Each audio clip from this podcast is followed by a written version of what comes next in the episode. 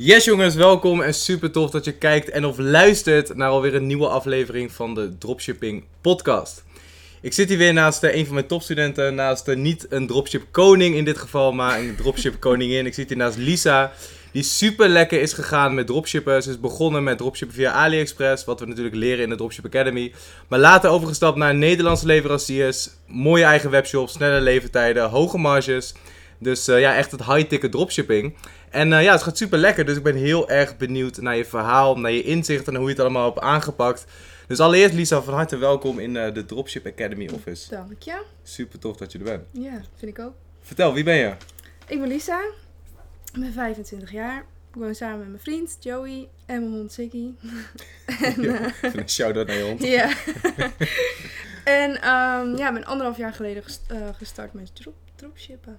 Wat, um, het eerste wat me opvalt natuurlijk, je bent de eerste, nou, naast Carola ben je de eerste vrouw op de podcast. Ja. En ook als ik kijk naar de leden, zie ik dat er vooral heel veel jongens zijn die zijn begonnen met dropshipping. Dat natuurlijk hè, het geld verdienen, het ondernemerschap, dat is toch iets wat normaal gesproken aan de voorkant meer iets lijkt voor mannen. Ja. Wat heeft jou als vrouw besloten anderhalf jaar geleden van ik ga beginnen met dropshippen? Nou, ik werkte op kantoor bij een dropship bedrijf. Oh, oké. En uh, toen dacht ik, toen al dacht ik van dit kan ik ook. Ja. En ik was heel goed met mijn manager en een ander collegaatje. En toen wilde ik eigenlijk hun een beetje meetrekken erin. Ik dacht van ja, als, als, als we hier op kantoor kunnen zitten zonder voorraad, dan kunnen we dat thuis ook. Ja, was het een groot bedrijf waar je werkte? Nee, best wel klein. Maar ze hadden wel een goede omzet. Ja. En um, nou ja, dat ging, uh, ik ben gestopt daar zo en toen kwam ik thuis. En uh, toen zaten we een keer met mijn vriend op de bank. Ja. En hij kwam een filmpje tegen en toen dacht ik, hé, hey, dit werkt. Ja. Want ik heb voor een dropshipbedrijf gewerkt. Ja. Dus toen zijn we eigenlijk gestart. Oh, je doet het samen met je vriend ook? Ja, ja. Oh, cool. Ja, hij zit wel wat meer op de achtergrond. Hij doet meer dat uh, financiële en een beetje de administratie. Het, het geld tellen. Ja, daar ben ik heel slecht in. nice. en de betalingen doen en zo. Ja. En ik zit wat meer op de voorgrond. Cool, hoe ben je ermee gestart? Want je had natuurlijk al wat... Wat, wat deed je in dat andere dropshipbedrijf? Uh, daar verkochten ze rolgordijnen en uh, jaloezieën en zo. Oh, oké. Dus uh, nou ja, dat ging wel lekker. Met Nederlandse leveranciers? Ja, ook met Nederlandse leveranciers. Ja. Dus nou ja, vandaar dat ik dacht van dat kan ik ook. En wat deed jij daar in, dat, eh, in die business? Klantservice. Oké. Ja.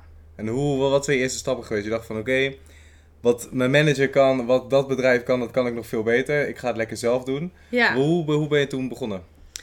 Uh, met jouw cursus. We hebben gelijk jouw cursus eigenlijk aangeschaft.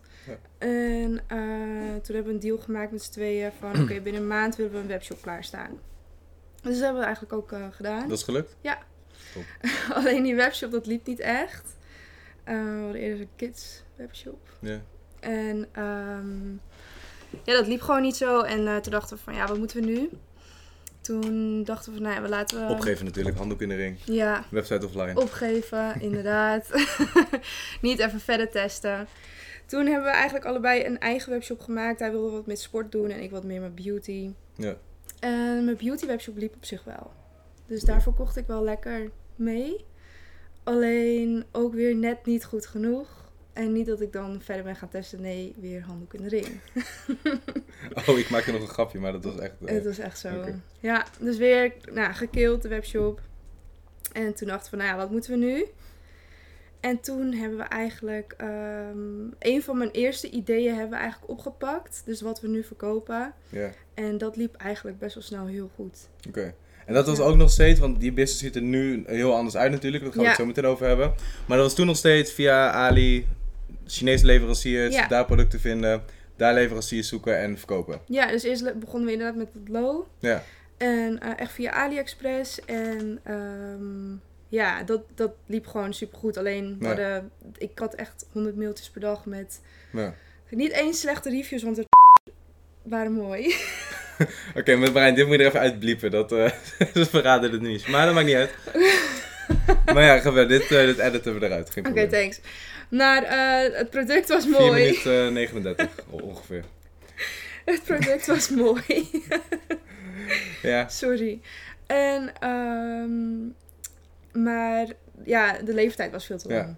Dus, dat, Dus ja. je merkte wel mensen die op jouw werk... Kijk, leeftijd is natuurlijk via AliExpress duurt altijd langer dan, um, dan uh, mensen over het algemeen gewend zijn. Ja, Dus communicatie is daarin heel belangrijk. Zeker op het moment dat mensen een bestelling hebben geplaatst. Dat ze precies weten van oké, dan en dan komt mijn bestelling eh, Ja. komt binnen.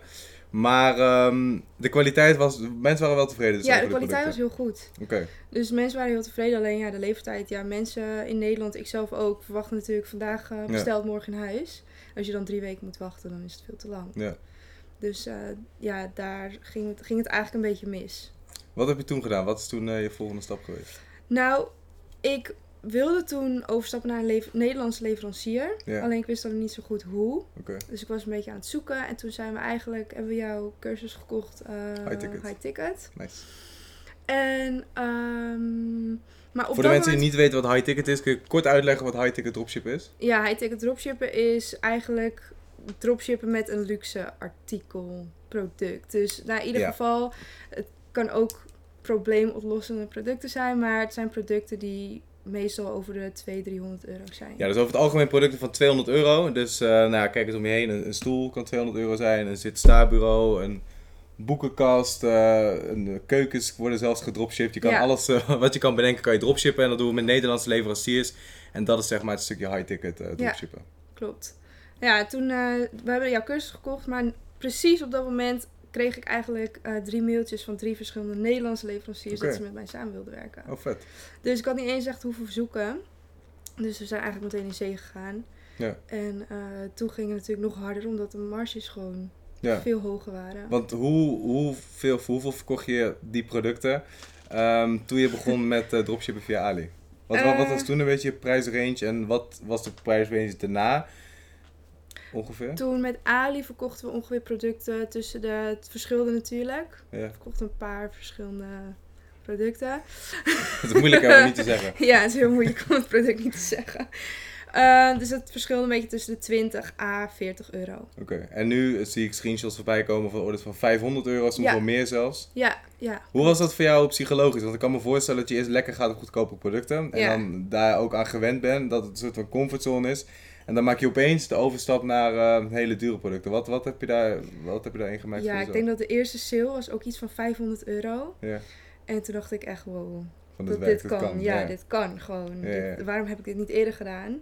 En dan ga je een beetje, ga je natuurlijk naar je Excel-sheet kijken van wat is eigenlijk de marge. Ja.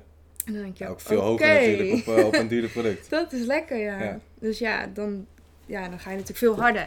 Ja. Voor je gevoel ook. Nee, ja, kijk, dat is een van de voordelen van de high-ticket dropshippen. Kijk, allebei heeft de voor- en nadelen. Net hadden we het over de omzet van Nicky bijvoorbeeld. Ja, dat Ja. ga je met high-ticket is dat gewoon een stuk moeilijker om te behalen. Het kan wel, maar het is gewoon een stuk lastiger. Maar ja, tegelijkertijd zijn wel de marges gewoon veel hoger. Dus je hoeft minder te verkopen. Je hebt minder klanten nodig. Je kan ook Ja. meer tijd besteden per klant. eh, om die tevreden te houden. Je hebt gewoon minder, eh, minder klantenservice en minder gezeur. Ja, ja, klopt. Klanten zijn gewoon veel. Ja. veel Hoe is je, ehm, hoe adverteer je? Via, Via? Facebook en, Ook via Google of niet? en via Google. Alleen dat besteden we nu wel uit. Ja, dus Google heb je uitbesteed aan een... eh, Ja, en Facebook ook. Facebook ook? Oh, chill. Ja. Oh, dat is lekker. Ja. Ja we, we- ja, we kunnen het ook zelf doen, maar we hebben er niet zo heel veel verstand van op. Ja, En het is wel een high-ticket dropship ehm, webshop, dus ik dacht van laten we dat maar uitbesteden. En we hebben nu ook zo'n general store gemaakt, dacht Ja. dat doe ik zelf dan wel. ja, precies. Maar, Gewoon eh, een beetje te leren, om ja. te adverteren hoe dat... eh Ja. Dus ja. Nice, goed bezig. En hoe, wat zijn de resultaten nu ongeveer? Een afgelopen maand was dan, ja, een wat mindere maand, was volgens mij rond de 7k. Oké. Dus dat valt nog wel mee. En wat doe je, wat, wat ik kan me voorstellen, de meeste dropshippers die hebben een klantservice uitbesteed, die hebben copywriting en zo uitbesteed en het enige wat ze nog doen is de advertenties zelf. Jullie hebben dat ook uitbesteed. Wat, wat zijn nog de taken die je doet in je business? Eh, ik doe eigenlijk alles nog. Dus Ja. klantservice en eh, nou, administratie en contact met... Hoezo doe je eigen klantservice?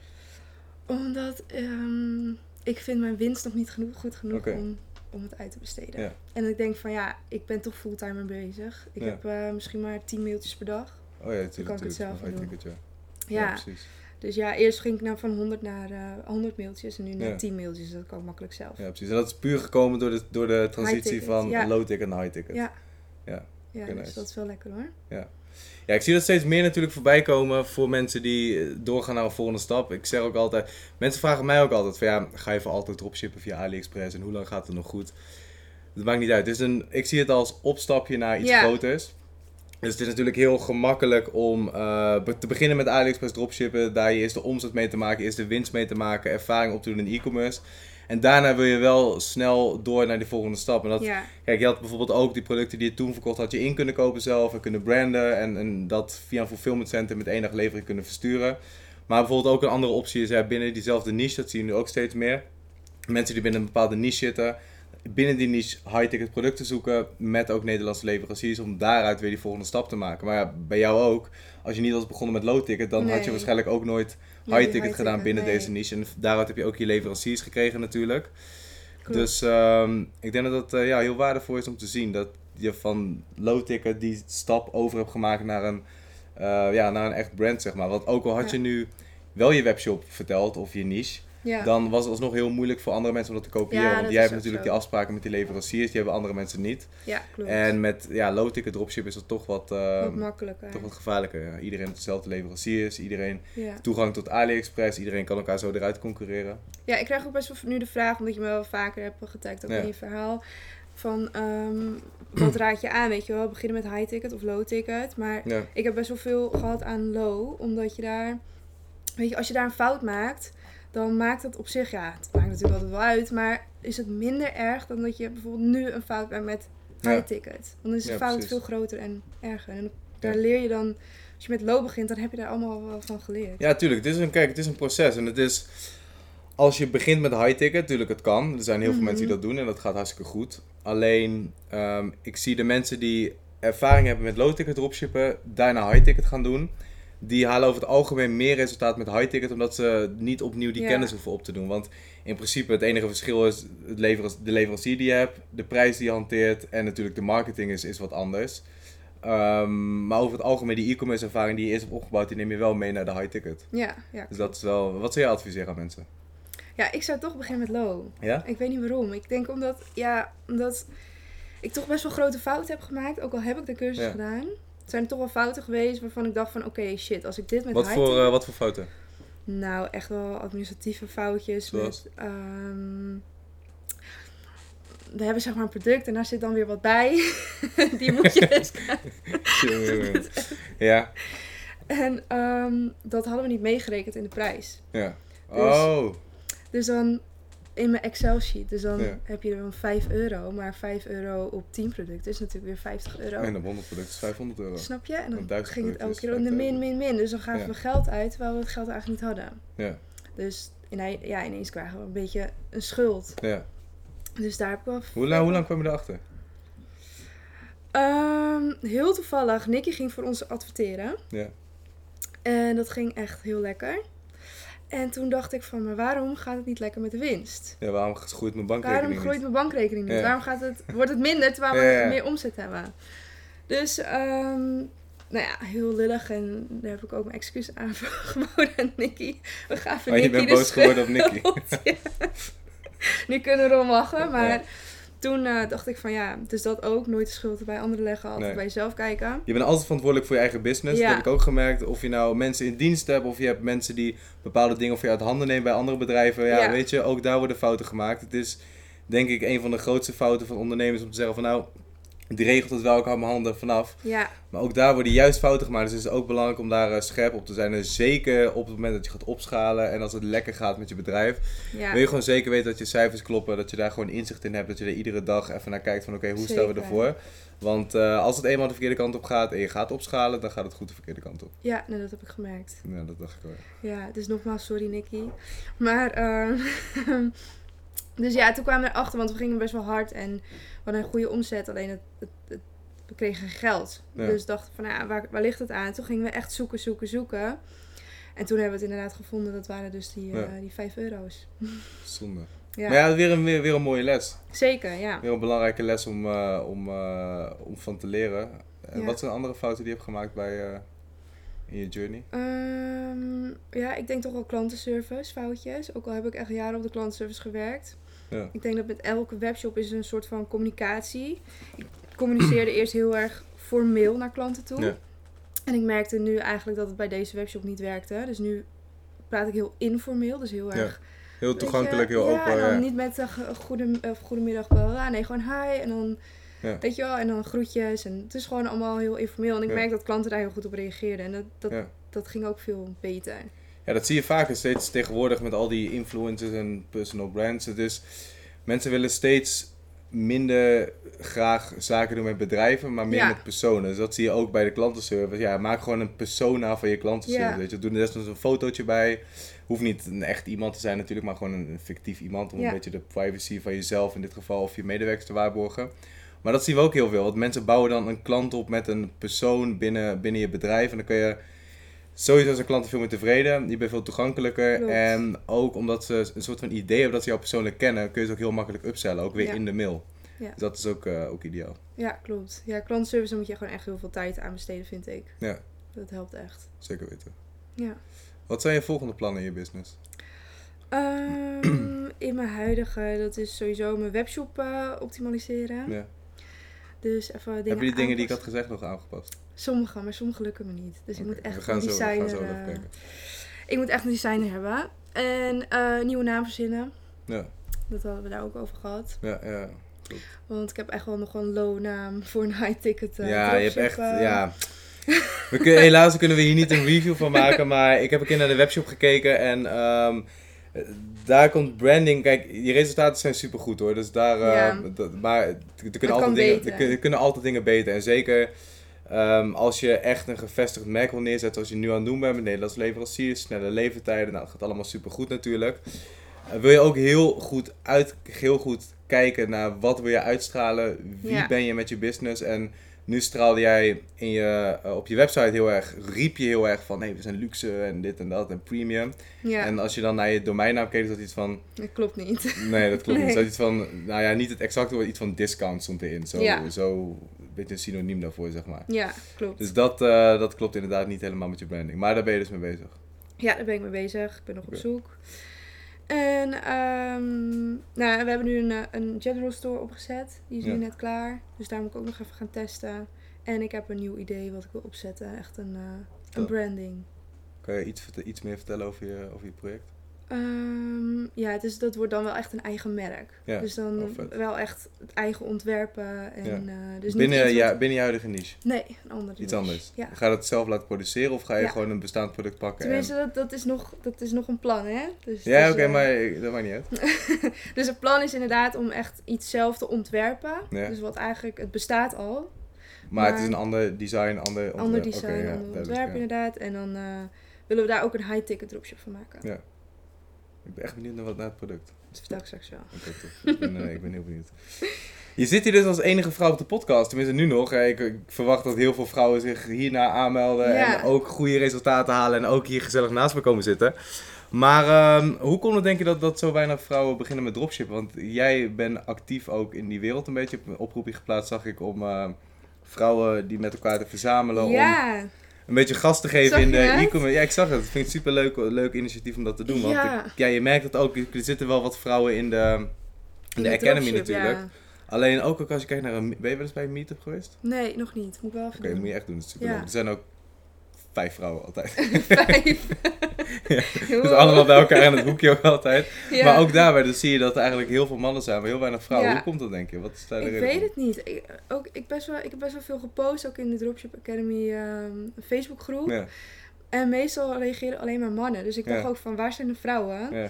En mijn vriendinnengroep, ja, dat, is ook, dat zijn ook niet echt ondernemers. Maar hoe reageer zij erop dan?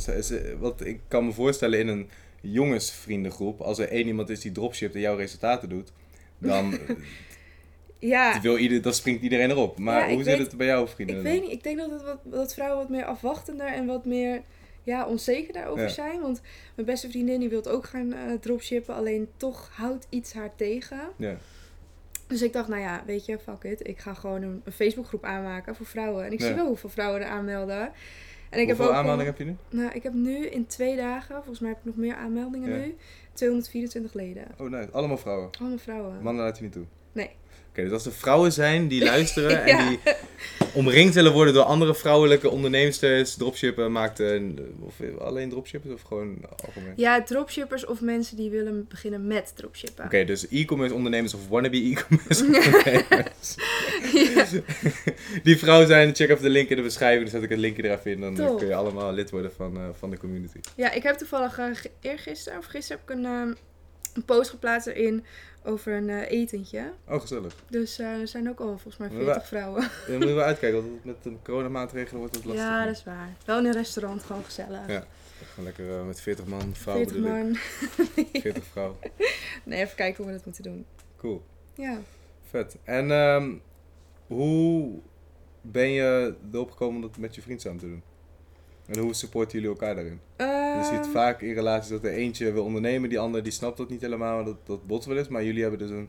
Nee, wij willen eigenlijk allebei wel ondernemen. Hij heeft het ook wel, zijn vader is ook ondernemer. Ja. En ik heb altijd mijn eigen wimpersalon gehad. Dus oh, bij mij zit het ook wel een beetje erin. En um, we hadden het samen altijd wel erover. Alleen hij is niet zo heel goed met computers, maar wel weer heel goed, weet je wel, met uh, bellen en zakelijke dingen regelen. En ik ben juist wel heel goed met computers en Ja. uh, de sales. Dus ik dacht van ja, weet je, waarom doen we het gewoon niet samen? Ja. Um, dus ja, het gaat eigenlijk best wel goed. Oh, vet. Ja. En wat vinden je ouders ervan? En je vriendinnen? Ja, mijn ouders vinden het uh, leuk. En Ja. die dachten eerst van, nou, komt ze weer met een idee. ja, ja, ja. het zal wel. Het zal wel. Um, maar ja, die zijn heel trots op me. En vriendinnen ook, ja, die, die snappen het allemaal niet zo goed. Nee. Maar die zijn ook niet zo ondernemend of zo, denk ik, als ik. Die Nee. vinden voor een baas werken prima en dat is ook goed. Ja, Ja. natuurlijk is niks mis mee. Nee. Iedereen heeft zijn eigen, zijn eigen ding natuurlijk. Maar ze support je er wel in. Ja, ja. Ja, gelukkig Is ook wel. al, zijn ze ook een klant van je? Hebben ze ook al jouw producten thuis staan? Mijn vader wel, ja. Nice. en mijn moeder. Mooi. Dus ja. Ik heb op mijn Instagram heb ik gevraagd van of we mensen nog vragen hebben voor onze dropship koningin voor, eh, voor vandaag. Pressure. En we hebben er een aantal tussen zitten. Al wat minder zenuwachtig? nu? Een beetje. Goed zo. Even kijken, wat zijn de grootste struggles? We hebben er net natuurlijk al eh, eentje gehoord van de financiën die niet helemaal goed zijn gegaan. Ja. Eh, waar je tegenaan bent gelopen. Want ik kan me voorstellen, het is zeker in het begin ook en niet altijd in één rechte lijn omhoog gegaan. Wat zijn een aantal dingen waarvan je denkt van, hé, hey, hier ben ik tegenaan gelopen. En met, doordat ik er ben tegenaan gelopen, tegenaan gelopen ben, hoeveel andere mensen dat niet meer te doen? Um, dat is echt een goede vraag. Mm, ja, toch echt wel de cijfers goed bijhouden. Gewoon elke dag checken en... Uh, Zit je zus? Nee, dat is mijn beste vriendin. Oh, mhm, oké. Vrouwen. ik een ding met trots op mijn sis, maar dat is dus... Uh, Dat is wij zeggen bro, weet je wel. Ja, straat, oh, oké. Ja. Nee, sorry, ga verder. Ja. Uh, ja, dus echt de cijfers een beetje gewoon ja. uh, goed bijhouden. En ja, wij... Ik denk ook wel echt goed de Facebook advertenties. Ja. Want in het begin deden we het natuurlijk zelf. En ik was echt wel een beetje lakser ja. ermee. En ik dacht van, nou ja, cursus, filmpje bekeken, dit kan ik. En Ja. daarna heb ik het niet meer bekeken. Maar dat zo gaat het Heb je wel een nieuwe blueprint bekeken? Uh, ja, voor de helft. Shit. Ik ben nog bezig met mijn general story. Jongen, jongen, jongen. Oké, nee, uh, duidelijk. Um, even kijken, een paar vragen hebben we al behandeld natuurlijk. Um, ja, waarom ben je begonnen? Wat is je echte why? Want het klinkt natuurlijk allemaal leuk en je werkt al bij een dropshipbedrijf. Maar wat Oh, wil je echt bereiken met je business? Wat, hoe ziet jouw Mm. ideale leven eruit? Onafhankelijk zijn. Dus, en ook gewoon vrij in, uh, in het plannen. Ik heb altijd gezegd, ik wil niet voor een baas werken. Um, daarom heb ik ook eigenlijk wel best wel snel mijn eigen salon gehad. En Ja. alsnog werkte ik voor een baas hoor. Maar dan had ik wel een soort van gevoel, oké, ik werk naar een soort van vrijheid toe. Ja, Alleen alsnog was je beperkt, omdat je, je zit in je kamer, in je salon en je kan nergens heen. ja, En met dropshippen was het echt van, je pak je laptop en als ik naar, uh, weet ik veel, naar uh, het buitenland wil, dan kan dat gewoon. Dan neem ik Ja. mijn business mee. Dus dat was wel, dat was maar gewoon... toen kwam corona. En toen kwam corona. Nee, duidelijk. Cool. Hoe ben je op je productidee gekomen? Dat vraag ik me ook af, want je hebt best wel een uniek product. Ik denk de meeste mensen die, uh, die komen niet verder dan honden speeltjes en uh, nee. kattenkettingjes en uh, de postuurcorrector. Mm -hmm. Maar je hebt een hele unieke niche waar, denk, waar denk ik weinig concurrenten, tenminste je hebt ze natuurlijk wel, maar, ja, maar niet ik, zie weinig, nee, ik zie weinig mensen die echt in, je, in jouw niche zitten. Mm, ja, ik weet niet. Dit was eigenlijk het eerste idee wat in me, in me opkwam. Ja. Maar ik dacht, dit gaat, ik weet niet of het gaat werken, omdat Ja. het eigenlijk niet zo... Ja, het bestaat wel, maar het is niet zo Ja. happening. Ja, maar het is wel een hele grote niche, want het is, niet zozeer probleemoplossend. Je kan er wel Nee, een probleemoplossend ook, iets ja. van maken. Maar in principe kun je de hele wereld kun je ermee bereiken. Dropship alleen in Nederland en België nog? Ja, nog wel. Heb je ook ambities om naar Duitsland bijvoorbeeld te gaan, of Frankrijk, Ja. dat soort landen? Zeker. En daar heb ik ook wel met leverancier over gehad. Alleen we zijn nog aan het onderzoeken Ja, hoe en wat. Oké, ik heb wel contact voor je voor, eh voor Fulfillment Center. Dat zou nice zijn. Even kijken, wat vroeg ik ook alweer? Oh ja, hoe, hoe, hoe ben je op je productidee gekomen? Ehm, nou, omdat ehm mijn internet vliegje, sorry. Dit staat echt stom. Ja, ik heb een. eh, voor de mensen die alle video's kijken, die, die gaan het ook zien in de serie. Ik heb een soort van blender-ruzie gehad met een smoothie dat alle kanten opvloog. En ja, dat, dat, toen kwamen al. Ik weet niet waar ze vandaan kwamen, al die fruitvliegjes, maar nu hebben we echt een plaag qua Oh, fruitvliegjes. verschrikkelijk. Normaal zaten ze in dat hok, maar nu zitten ze dus ook hier.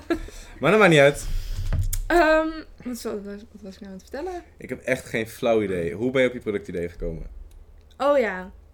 Ehm, omdat ik het zelf leuk vond. Oké. ja. Dus ik had er zelf interesse naar. En vooral, het was dus eerst een low. En ik wilde, het zat al in mijn hoofd om van die low een high ticket van te Ja. maken. Dus omdat dat al in mijn hoofd zat, zeg maar, dat product, dat high ticket product, ben ik dus begonnen met low. Oké, ja, precies. En zou je het ook adviseren aan mensen om iets te kiezen waar je zelf een soort van passie voor hebt, waar je zelf achter staat? Ja, dat zou ik wel doen. Want ik heb eerst inderdaad die kids shop van ge- gehad. ja, oké. En dan had ik echt Niks met kinderen? Ja, nee. Oké, Nog niet. oké. Dus Nee. nee, daar, daar had ik echt niks mee. En dan had ik vragen op de e-mail en dacht ik, ach, weet je Ja. wel, heb je dit weer? Ja, precies. Maar dit vind ik gewoon leuk. Ik heb ehm, een, een soort van gelijk antwoord, maar ook weer niet. Ik denk dat het in het begin dat je heel erg je emotie los moet kunnen koppelen om gewoon momenten te krijgen. Om gewoon bezig te zijn, om producten te testen. Ja, dat wel, ja. leert kijken naar die data, weet van waarom werkt het ene product wel, waarom werkt het andere product niet. En dat is ook een beetje het ding van low-ticket dropship, hè. gewoon snel omzet maken Ja. en eh, beginnen ervaring opdoen. Maar ik denk ook inderdaad, als je een stap maakt naar of je eigen product, want wij zijn bijvoorbeeld achter de schermen zo bezig met productontwikkeling en eh, gewoon een eigen product met patenten, noem het allemaal op, of een eigen brand. Of een high-ticket iets. Ik denk van dat dat wel belangrijk is als je echt iets bouwt voor de lange termijn. Want dit wat jij nu aan het doen bent, dat is waarschijnlijk, dat Ja, kan over tien jaar kan het nog steeds gewoon Ja. goed verkopen klopt. dan moet het wel iets zijn, denk ik, waar je een beetje affiniteit mee hebt. In ieder Dat geval een goed gevoel ook. hebt. Ja, dat is het ook. Kijk, als je begint met low, dan zou ik ook gewoon inderdaad...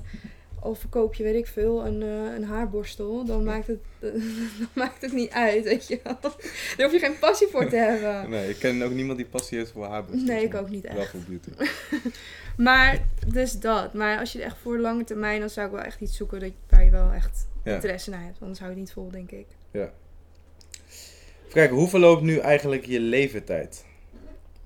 Eh, twee tot vijf werkdagen. Oké, en dat wordt vanuit je leverancier verstuurd of eh, heeft de leverancier voorraad bij een fulfillment center ondergebracht? Nee, het wordt vanuit mijn leverancier. Oké. Ja. Volgende vraag, hoe vind je die leverancier? Want je hebt natuurlijk, je had gezegd dat twee leveranciers, hoeveel leveranciers heb je nu voor je producten? Eh één. Eentje, oké. Ja. Hoe heb je die gevonden? Eh, ze hebben mij gevonden. Dus ik had echt geluk. Oké, hoe hebben ze jou gevonden? ik weet niet. Ik denk omdat... Ja, dit weet ik eigenlijk echt niet. Ik denk door mijn advertenties Oké, eh, op Facebook. Dat ze dat zagen en dat ze dachten van... Hé, hey, jij verkoopt alleen dit. Maar Ja. dit kan ook dat verkopen.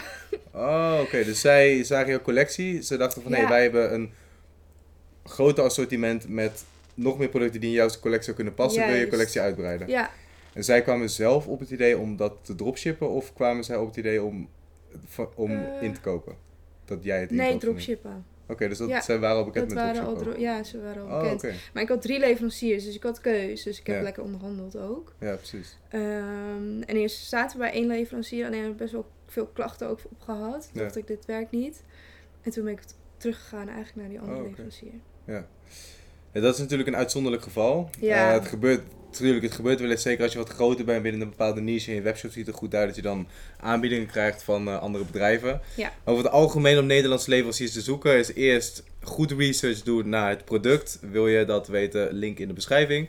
Ehm, en dan vervolgens gewoon gaan kijken van hey, waar zijn die leveranciers en die leveranciers gewoon een bericht sturen. Want wat mensen vergeten is, mensen denken vaak altijd dat ehm, de leverancier de dropshippers alleen maar een gunst doet, dat de win alleen maar daarin zit.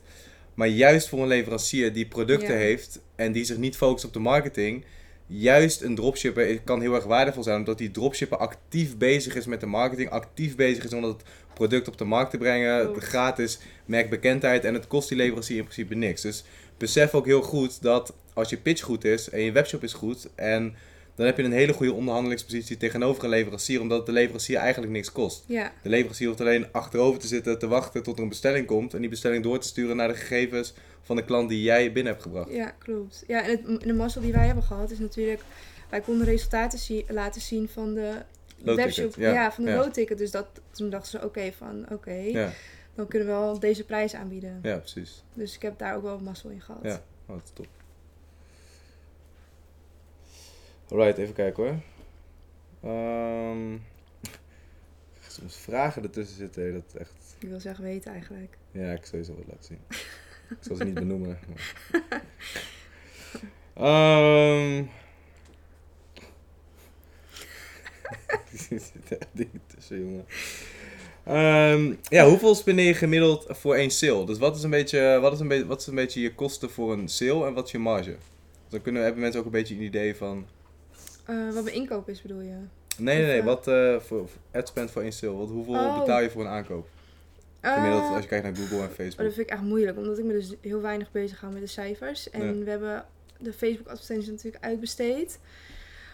Maar Ja, wat is je gemiddelde marge op een product? Laten we het zo zeggen. dat, ja, dat is dus ook moeilijk met mijn niche. maar dat is, ja, ik denk als we Gemiddeld. gemiddeld tussen de 50 en 200, Oké. Oké, nice. zoiets. Oké. Ja, en de adspend, als het goed is, is rond de... Ja, dat is niet eens zoveel. Misschien 100 euro per week of zo. Echt? 100 Ja. euro per week? Ja, 160, ja misschien 160 euro per week. Dus dat gaan we niet op dan. Nou, daar had ik het dus net over ook. Ehm, Huh? we, zijn, we hebben opgeschaald, alleen Ja. toen ging het steeds minder. Oh, oké. Dus je hebt nu een beetje de sweet spot gevonden van 100 euro per week. Maar dat moet wel meer kunnen dan 100 euro per Ja, week. ik weet niet. Ik, misschien lieg ik hoor. Ik Oké, nou dat eh Heel slecht dat ik het niet weet. Nicky natuurlijk. Ehm, hoe lang duurde het voordat je je eerste high-ticket sale had? Dus je had die transitie gemaakt. Binnen hoe lang ging dat een beetje lopen? Ehm, eigenlijk denk ik wel binnen een week. Oké. Dat het wel, eh, toen hadden we al een paar sales. Ja. Dat ik denk dat omdat mensen ook al bekend waren en we hadden al goede reviews, dus dan kopen Ja, mensen precies. sneller.